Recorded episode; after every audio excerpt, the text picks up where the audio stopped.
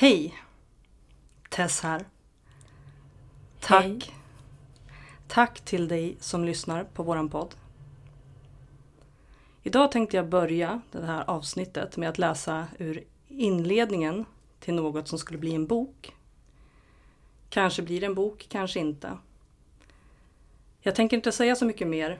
Jag tänkte börja läsa.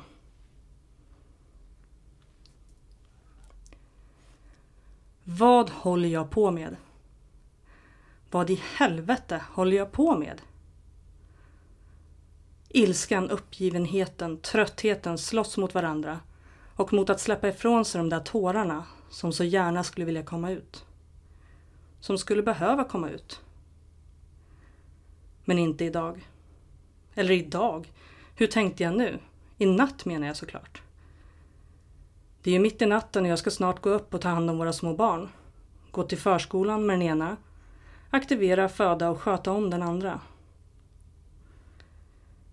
Tankarna far runt helt orkanlikt utan att hjälpa det minsta. Och jag är arg på mig själv för att jag befinner mig här igen. Ytterligare en gång. Ytterligare en natt med nästan obefintlig sömn och ett definitivt obe obefintligt lugn. Och en mark som är totalt rämnad under mina fötter. Och den där känslan som allt för ofta förgör mina timmar, dygn, veckor, månader och numera år. Och får mig att komma närmare och närmare ett avslut, snart vilket som helst. Värdelösheten. Och maktlösheten. Jag ryser när jag tänker på det. De farligaste orden i världen. De mest förgörande och destruktiva känslorna man kan ha, tror jag. Jag fortsätter att söka igenom arbetsbyxor, necessärer, köksskåp, kylskåp, klädskåp, skorna som han inte använt på ett tag, datorväskan. Jag kollar byrålådor, öppnar batteriluckorna på alla elektroniska prylar jag kan hitta, lyfter blommor ur krukor, kollar uttagskvitton. Mobilen har han sedan länge för vana att sova med i sängen så den kunde jag inte rota i, även om det kröp i mig. Å andra sidan så sov vi ju inte med varandra sedan länge, även om vi sov i samma säng. Så kanske var det hans nya kärlek och närhet. Telefonen. Jag var till och med några gånger ute mitt i natten och letade igenom uteplatsen, trots att grannarna kunde ha sett mig.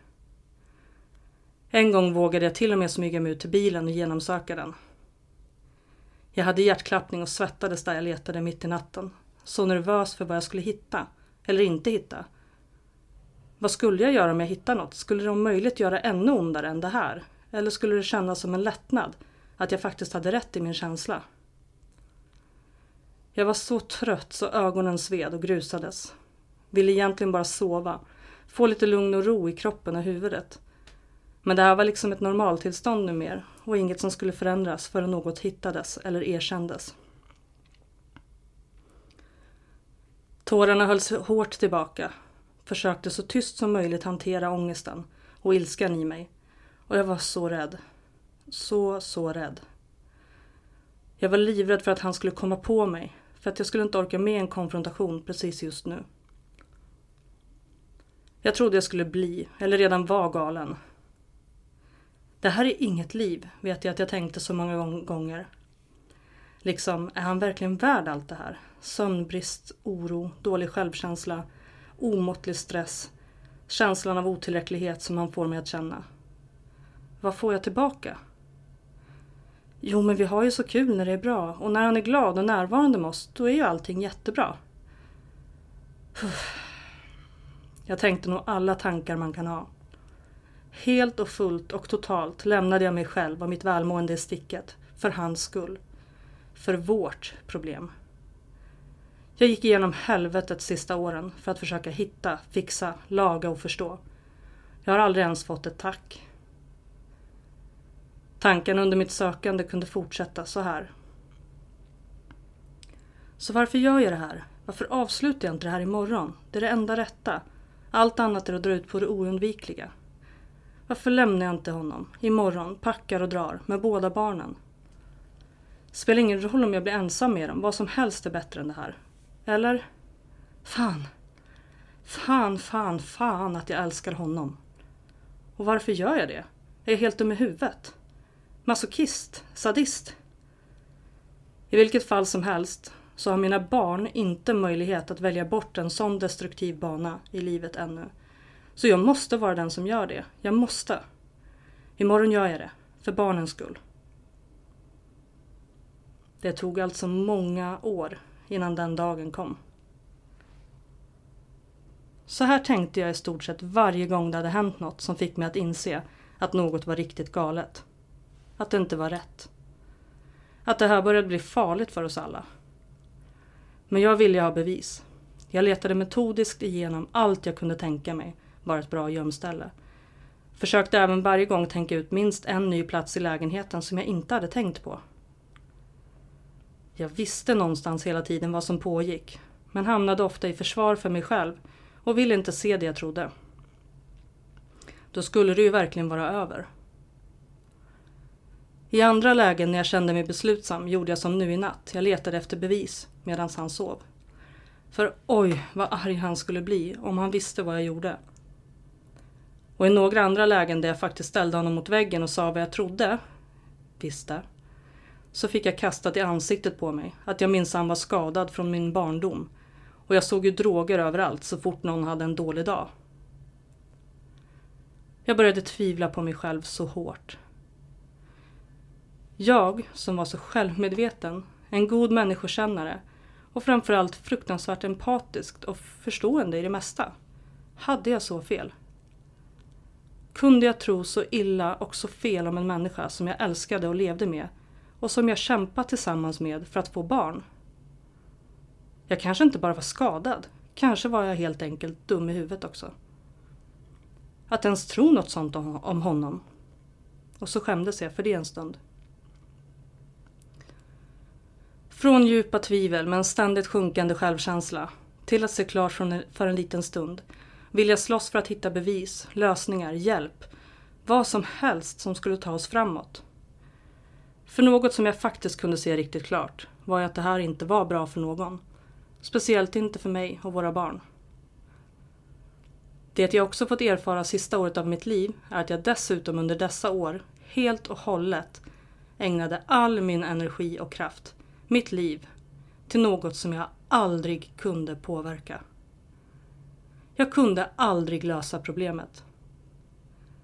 Jag kämpade helt och totalt förgäves och slösade bort så mycket tid, så mycket av mig själv som jag inte vet om jag någonsin helt kommer att hitta igen. För ingenting. Förutom det faktum att jag faktiskt kan gå med ryggen rak och säga att jag gav inte upp. Eller jag gjorde allt jag kunde. För det gjorde jag. All in med allt jag ägde och hade. Till ingen nytta.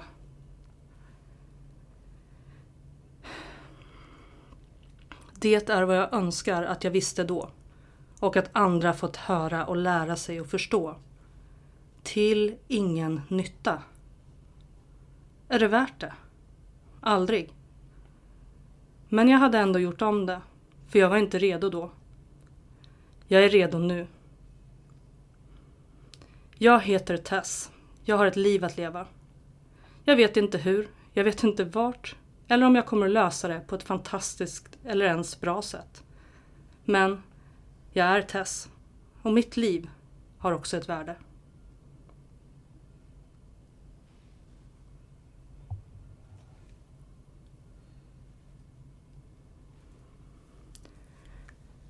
Det där skulle varit inledningen på min bok Oh, sitter här med hjärtklappning just nu.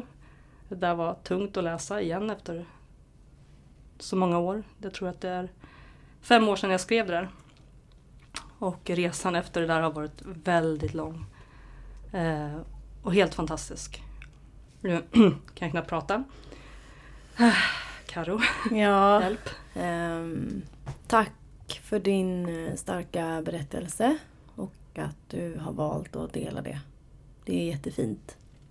Tack. Eh, jag eh, tänker att jag vill dela en tanke. Gärna. Och det är att du gick någonstans ifrån att vara den utsatta till att äga det. Det vill jag eh, prata lite om. Känns det okej för dig? Absolut. Mm. Då tänker jag så här att det ligger ju ganska mycket power i det. Att man äger problemet. Att man tar över problemet till sig själv. Då är det först då du kan lösa det. Så jag är lite intresserad av att höra. Hur gjorde du när du gick från insikt till handling? Hur såg det ut med tanke på att insikten kom och så kom och kom och kom. Men hur såg det ut den dagen du gick till handling? Jag kan inte komma ihåg en specifik dag jag gick till handling. Eller menar du själva uppbrottet? Eller Ja. ja. ja, uppbrottet. Mm. Ja. Det var ett fruktansvärt uppbrott. Var det. Jag hade alltså hållit på... Nu ska vi tänka bara så att jag inte... Det är lite suddigt där men jag vet att det, det här startade...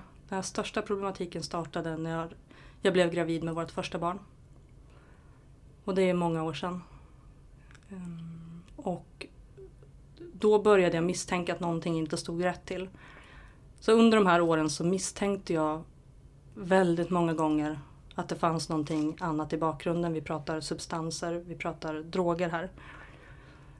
Ehm, och eftersom jag själv har levt upp, växt upp med droger i familjen så kände jag, jag kände igen så många tecken men jag, liksom, jag tog aldrig till mig det. Jag vågade inte se det för vad det var. Och jag hade ju lovat mig själv att aldrig hamna i en liknande relation som min mor. Så för mig var det jättesvårt att inse det, att det faktiskt är det jag är i. Så att eh, det såg väl mer ut som så att jag samlade kraft inför varje varje gång jag fick upp mina misstankar igen så samlade jag kraft och försökte ta det med honom. Eh, vilket resulterade i ingenting. Eh, mer än ilska och kalla ord och ännu värre.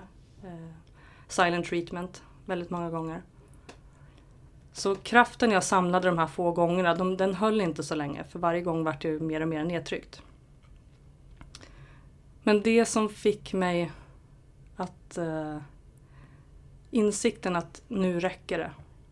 Eh, den kommer jag mycket, mycket väl ihåg. Och det var en sommar med vårt andra barn var bara ett halvår gammalt. Så kommer det fram en bekant till mig. Mitt på ljusa dagen, jag är hemma föräldraledig. Och så säger han till mig, Tess. Jag ser vad som händer. Jag ser vad som pågår. Det är inte okej. Jag tappade alltså, hela, hela mitt skal. Det bara rämnade. Vad vadå ser? Vadå? Den dagen visste jag att jag lämnade honom. Någon annan hade sett och sagt till mig att det var inte okej. Det var inte jag som var dum i huvudet. Samma person sa också till mig några veckor senare att Tess, jag vill bara att du ska veta att du är värd så himla mycket mer än det här. Det var början på sommaren. I slutet på sommaren så lämnade jag. Och då hade jag samlat kraft hela sommaren. Det hade varit en fruktansvärd sommar. Han hade haft sitt värsta beteende någonsin. Eh, och eh, jag kände att nu med, eh, med stöd från en terapeut som jag gick hos som påminde mig om hur viktigt det var för barnen att se en, eh, se en fungerande relation. Att de skulle inte behöva se det här. Barnen började förstå vad som hände. De två sakerna tillsammans gjorde att jag, jag hade inget val. Det, det fanns en styrka i att inte ha något annat val också. Um, jag har faktiskt skrivit ett kapitel om just det här i boken som jag tänkte fortsätta med. Uh, så därför kommer jag ihåg det så tydligt. Och uh, jag gick hem till, uh, till exet då och så sa jag att nu, nu räcker det. Nu går jag. Det här är stopp. Och det finns inget men eller om eller det finns ingenting kvar. Jag har gjort allt jag har kunnat. Det finns inte en procent till mig som kommer att fortsätta med det här. Och jag var så stärkt i mig själv då i beslutet så att det, det var inte svårt att säga det. Däremot så blev hans reaktion enormt stark. Ehm, och ehm, han gick från tårar till ilska till rena hot, tyvärr. Ehm, och ehm, han försökte förklara för mig, för första gången vad all den här behandlingen berodde på. Och det spelade ingen roll, det var för sent. Och det var ju mycket väl då som jag hade misstänkt, det hade ju med substanser att göra. Som hade påverkat honom. Men hans reaktion blev eh, fruktansvärd och eh, det mest fruktansvärda i det här det var att han tappade det helt och totalt. Och eh, tog till alkoholen den kvällen. Och jag, jag, vill berätta det för att alkohol förändrar människor enormt mycket. Det är den mest personlighetsförändrande substansen vi har. Faktiskt. Ehm, så så här såg det inte ut varje gång vi bråkade men den kvällen så, så stod han och skrek på vår uteplats att han skulle kunna döda vem som helst av oss. Och skriker och att jag är en ursäkta uttrycket, han skriker att jag är en hora, att jag är en jävla slampa, att jag kan dra åt helvete och ja, jag skulle kunna döda vem som helst. Sen tar han och går in i lägenheten som vi båda äger. Jag har inga nycklar med mig för vi står ute och skriker på varandra. Där våra två barn ligger och sover. Och låser dörren.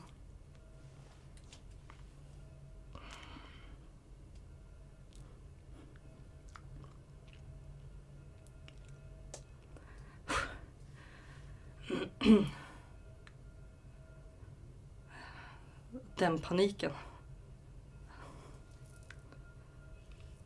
Helt fruktansvärd. Ehm, så jag ringer faktiskt kvinnojouren. Och eh, det enda de säger då att i det här läget det enda du kan göra är polisanmäla. Och det var ett jättestort steg att ta för mig. Så jag tänkte att jag gör vad jag kan för att slippa polisanmäla. Jag, jag knackar på, jag sliter i dörren, jag försöker få tag på honom. Och till slut så får jag svar på ett sms som jag skickar. Liksom att jag, jag behöver bara veta att du inte skadar barnen. Kan du bara lova mig snälla att du inte skadar barnen? Jag kan sova här ute, det spelar ingen roll. Jag, jag hittar någon annanstans just ikväll. Men lova mig, kan du göra det? Och då svarar han till slut att det fattar du väl att jag aldrig skulle skada barnen.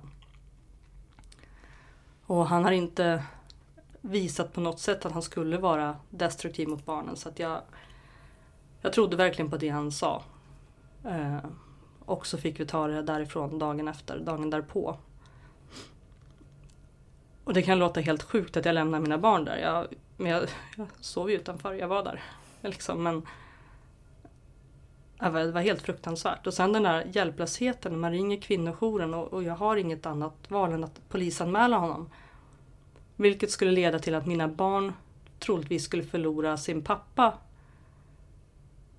För det skulle bli en vårdnadstvist, det skulle komma upp i ljuset vad som hade hänt. Det skulle komma upp, ut som att han var en, en pundare som inte kunde ta hand om sina barn. Jag har sett honom med barnen i flera år, han är bra med barnen. Jag ville inte att de skulle förlora honom helt. Jag ville att han skulle ha hjälp. Jag ville att han skulle få sitt liv på fötter så han kunde ta hand om det här. Um, och uh, bad även kvinnojouren om hjälp med ett boende, för jag var fortfarande rädd. Och just då fanns det ingenting, det var jättedåligt och de skulle se om de kunde luska fram något vandrarhem mot slutet på veckan. Och du vet, jag kände bara så här, tänk, tänk om han tar dem imorgon, tänk om han drar med dem. Vad gör jag? Tänk om han dödar mig? Då har barnen ingen. Så det, det var jätte, jätte fruktansvärt uppbrott faktiskt. Och jag kände mig väldigt ensam. Och jag polisanmälde honom inte. Däremot så ringde jag tjänsten och bad dem om hjälp också. Vilket först resulterade i något helt galet. Att vi, vart, vi fick en anmälan på oss. Vi skulle bli utredda som lämpliga vårdnadshavare till våra barn. Vi skulle bli det. Eh, så det är en helt annan historia. Men jag fick inte någon hjälp ifrån socialtjänsten så som jag hade hoppats och trott. Jag trodde vi hade ett starkt nätverk här i skyddsnät, man, skyddsnätverk i Sverige. Jag, jag hade den tron. Det fanns ingen lägenhet, det fanns inget hem. Det fanns ingenstans jag kunde ta vägen. Jag skulle få so sova hos vänner, familj. Vilket jag inte hade i just där och då i, i den staden vi bodde i. Så slutade med att jag flyttade till min hemstad i ren panik. Med två barn. Ensamstående då med föräldrapenning. Tog för äldsta dottern från förskolan. Ja, det var, det var en jättelång resa av allt det där. Det var uppbrottet. Mm. Ehm, hur länge, och sen bodde ju du där ett tag och då eh, hade... Jag tänker du kom tillbaka till eh, staden du bodde i då, eh, kan man ju säga. Hur, eh, hur var det att komma tillbaka? Menar du till hemstaden eller när jag kom tillbaka? Nej. Efter det första uppbrottet så flyttade du till din hemstad. Mm. Sen kom du tillbaka där du Mm. lever. I den staden. Ja. Hur kändes det? Jo, jag fick ju tag på en andrahandslägenhet då som jag tänkte att den tar vi. Ehm, så det, jag kände mig, alltså jag, känslan av ensamhet och utsatthet. Jag kände att jag hade ingenstans jag kunde vända mig. Jag ville inte prata om det inför alla. Eh, jag hade inte så många vänner kvar efter den här relationen. Som jag kunde ringa och berätta det här för. Mm. Jag hade min familj som bodde då i en annan stad. Jag hade en mammagrupp hade jag. Eh, som jag höll hårt i. Där jag faktiskt berättade vad som hade hänt. Eh, och som räddade mig många gånger. Eh, vi hade ju kontakt men inte på det sättet som vi har nu liksom. Mm. Nej, det var jobbigt liksom. Och sen jobbet, jag skulle tillbaka och jobba efter min föräldraledighet. Vi skulle leva, bli varannan vecka föräldrar. Ja, det var det jag ville också komma till. Att det fanns en anledning att du lämnade din hemstad. Det fanns en anledning till att du var tvungen att åka tillbaka till din, eh, vad säger man, första hemstad då. Mm. Och sen var du tvungen, tvungen för att det är ju så, du var ju föräldraledig men du hade ju jobbet, mammagruppen, eventuella vänner kvar i din eh, ja, stad du lever i då. Mm. Nuvarande hemstad kan vi kalla det så att det inte blir så förvirrande. Mm. Det var också, där är jag också lite intresserad för att det kan också vara bra att veta att man ibland inte alltid kan befinna sig på annan ort eftersom du har ju ditt ansvar här och som utsatt kvinna så är det här ett av våra, jag säger våra för vi, för vi är kvinnor båda två, största problem. Eh, vi kan absolut få, få vad kallas det, ekonomiskt stöd från socialtjänsten och så vidare. Det är inte målet heller i prestationsbaserade kvinnor så att säga, eller hur man nu ska kalla det. För att någonstans så har, hittar ju du en styrka i att fast det här ska ju inte förstöra mitt och mina döttrars liv. Nej. Därför kommer ju, kän, känns det som, rätta mig om jag har fel, att du kommer tillbaka där du har ditt jobb, där du har din, någonstans en form av trygghet. Även fast du har det i din födelsestad, givetvis. Men det kanske inte finns lika mycket jobb. Det kanske inte finns ens en önskan om att bo där. Och då behöver man ju ta tag i det med egna händer och hitta den styrkan. Då är jag tillbaka på det här med att man äger problemet igen. Du hittar ju hela tiden tillbaka dit. Okej, nu har han puttat mig hit. Fast här vill jag inte vara. Det är en tillfällig lösning. Bra. Du hittar ju styrkan i svagheten eller i sårbarheten och det är väldigt fint. Och även i utsattheten. Mm. Det vill jag verkligen skicka med dig som din vän. Att du hela tiden hittar handlingskraft. Det är väldigt, väldigt ehm, fint. Och det leder mig in på en annan fråga som jag tror att du redan har faktiskt varit inne på. Att eh, vilket det första steget var ur förhållandet. Och det var ju uppbrottet. Att du hittade en annan lägenhet. Eller annan boende där du, i den staden du är född helt enkelt. Ja. Hur ser det ut idag? Hur mår du idag? Oh. Jämförelsevis så mår jag jättebra. Eh, Det känns som att det är 20 år sedan det där hände. Det är det inte. Jag, jag mår bra. Jag har faktiskt nyligen då kommit på att jag trivs väldigt bra med mig själv och att vara själv. Ehm, ja, Ja, det finns liksom ingenting att klaga på. Det är det, det, är det vanliga. Ja, men ett större hem. Eh, ja, träffa någon som man kanske kan leva ihop med. Men det är inget måste. Jag känner ingen ska vi säga, jag känner ingen större längtan efter det heller. Utan jag, jag, jag står så otroligt stadigt i mig själv. Så att jag kan nästan känna tvärtom, att jag har nog svårt att släppa in någon. För att jag är, jag är så pass stadig så att jag, jag nästan vill vara själv. Ja, och då tänker jag ju att i den största rädslan hittade du och tog till det minsta modet du någonstans hade. Den natten sov du utanför bostaden för du var osäker på vad han rent ut sagt kunde göra med dina barn. Och då hade du ju ändå någon sorts kontroll eftersom du kan kasta in en stol genom fönstret om du hör någonting eller ser någonting. Eh, bara att hitta den styrkan, att inte vara rädd för att mördaren ska komma och mörda dig när du ligger där ute och sover. Förstår du vad jag menar? Mm. Att eh, faktiskt eh, ta modet till dig och bara, nu räcker det.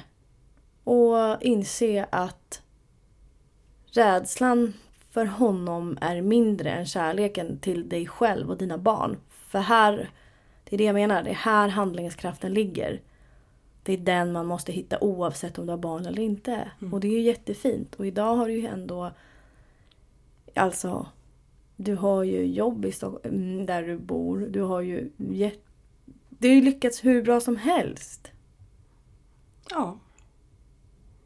Nej men det tycker jag absolut. Det, det... Fågeln Fenix. Ja. Nej men visst och, och jag... Jag vill ju inte hymla med att det har varit mycket att jobba på, mycket att jobba med. Liksom. Och, men jag hade, alltså det här låter också helt galet, jag hade ju aldrig velat vara utan det jag gått igenom. Och det, det, är också så här, men dina barn och allting, de har ju säkert tagit skada. Nej, jag tror inte det. Jag tror att de har fått en helt, inte helt ny, men en, en faktiskt aningens bättre mamma. Som kan visa dem en helt annan väg i livet. Och det, det är det enda jag behöver. Jag behöver bara veta att jag är en bra förebild till mina barn. Ja. Det, vad, vad mer kan jag begära? Och eh, vad jag förstår det som, har, har du någon kontakt idag med honom? Alltså mer än, inte mer än barnen, men jag tänker att, eh, vad sa du här i början, att ni hade varannan vecka? Ja. Ja, och då är det, tänk dig styrkan i det och modet i det. Och inte bara gå på stoltheten eller hämnden. Mm. Du din jävel, nu ska jag fan. Mm. Utan du ser ju barnens behov av sin pappa. Och han har ju fått en chans att step up his game, mm. tycker jag. Vilket han har gjort. Precis, Tolkar jag det som. Och jag, och jag... Eftersom jag är så intresserad och mot, blir motiverad av det här med att förstå beteendemönster förstå beroendeproblematik. Förstå, jag vill förstå det mesta så jag läser och ja, försöker hitta information om det mesta. Så tänker jag att man växer med ansvar. Och jag tror inte... Jag vet att den här människan är inte är en ond människa. Det är ingen ond själ. Han har ett gott hjärta. Eh, han har behandlat mig som piss. Han har varit fruktansvärd mot mig. Men det finns ju också en historia bakom det. Som han hade kunnat välja att ta tag i. Liksom. Och jag tänker med ansvar växer en människa. Hade jag tagit bort det ansvaret från honom, ryckt undan barnen, ryckt undan allt han faktiskt hade kvar. Vem hade tjänat på det? Han hade nog inte klarat sig. Mina barn hade varit utan pappa det fanns en liten väg ut där. Om jag gav honom lite ansvar. Om jag berättade för honom att han var viktig i relationen till sina barn. Han är en bra pappa. Vad händer då? Om jag släpper lite, lite grann i taget, vad händer med honom?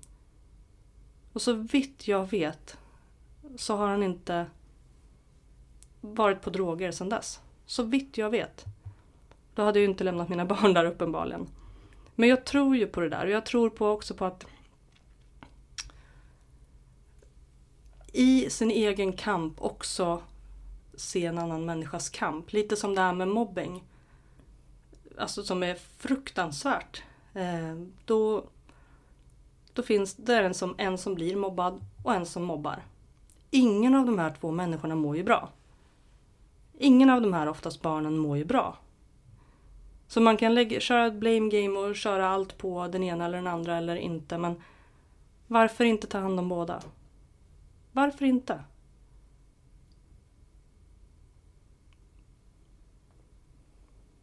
Mm.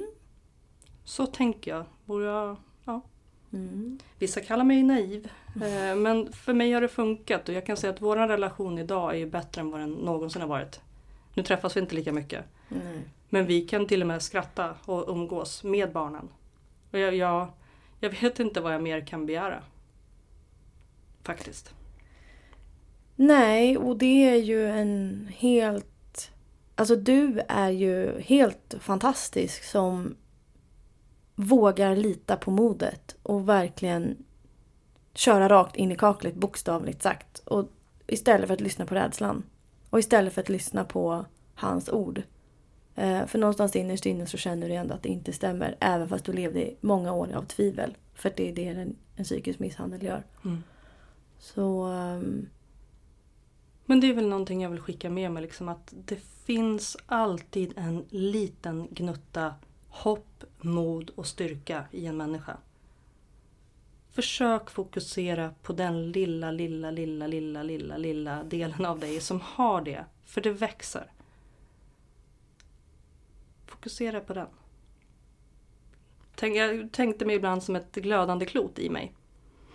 Det tänkte jag jätteofta på faktiskt. Att jag har i mitt hjärta, det där glöder fortfarande. Jag vet att det finns där. Det glöder, det glöder, det glöder, det växer. Du vet, jag, jag körde en sån här mental träning-variant. Liksom, men, eh, det heter ju någonting annat också. Eh, Ja, men en Ja. mental träning kan vi ju kalla det. ja, Det är ju det. Ja, men precis. Och, och få det där att växa. Om så bara för en dag eller några sekunder. Det, det går. Mm. Det du ger uppmärksamhet åt växer. Ja, precis. Och det heter ju någonting. Fina ord. Så att, eh, ja, jag hoppas bara att eh, det är så här att eh, mäns våld mot kvinnor har ju fått jättemycket enorm uppmärksamhet i media. Och man kan väl tänka så här att man, ja, vi försöker rida på den vågen på något sätt. Eh, jag funderade lite över det. Vi har ju pratat länge om att göra sådana här avsnitt där vi är lite mer personliga, eh, allvarliga.